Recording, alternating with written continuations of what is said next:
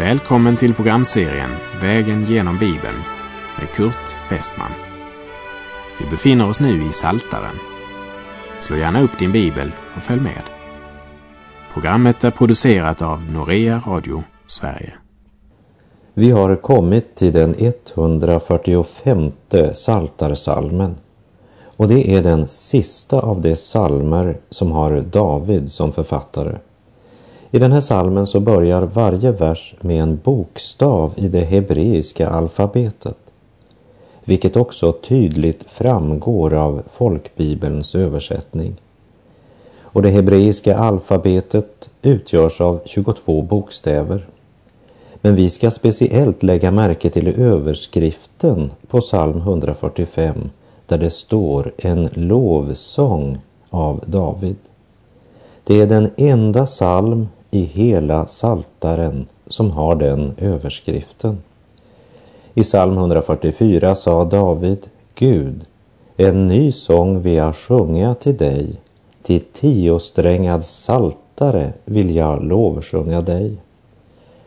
Och även om den nya sången inte kommer att ljuda fullkomligt, helt och fullt förrän den stora dagen då Kristus sitter på tronen och alla frälsta sjunger Lammets sång, så tror jag ändå att det är rätt att betrakta psalm 145 som en ny sång från Davids hjärta. Och salmen flödar över av tacksamhet över vem Gud är och vad han har gjort. På samma sätt som psalm 86 är Davids bönesalm så är den 145 salmen på ett speciellt sätt Davids lovsång. Och även om David många gånger tidigare hade prisat och lovat Gud med sin sång så betraktar han denna som sin kronjuvel bland salmerna.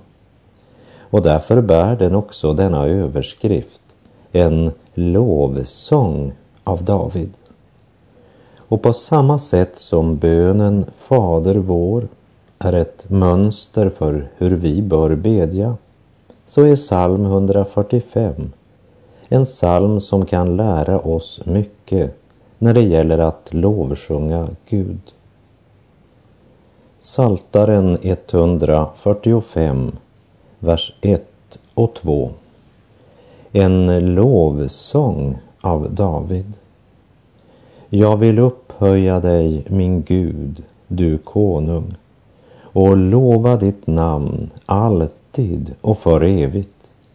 Jag vill dagligen välsigna dig och prisa ditt namn alltid och för evigt.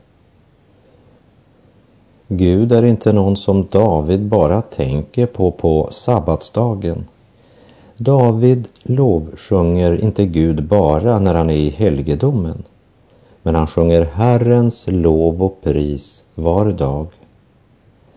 Det är kanske inte var dag vi känner för att prisa Gud, men vi behöver inte bygga vår lovsång på våra känslor, men på den verklighet att Gud har vunnit en evig seger över synd och död och gett oss evigt liv genom Jesus Kristus. I Efesebrevet 5, vers 18 till och med 20 står det Berusa er inte med vin. Sådant leder till ett liv i laster. Låt er istället uppfyllas av Anden så att ni talar till varandra med salmer, hymner och andliga sånger och sjunger och spelar för Herren i era hjärtan.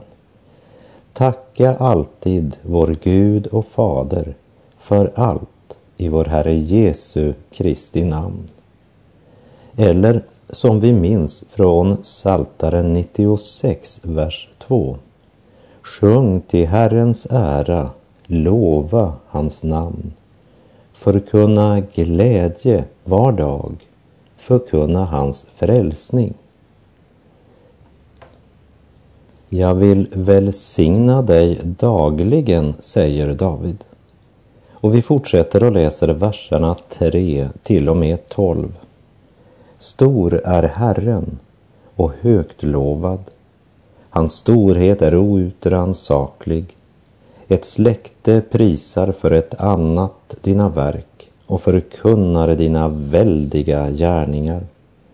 Ditt majestäts härlighet och ära vill jag begrunda och dina underbara verk.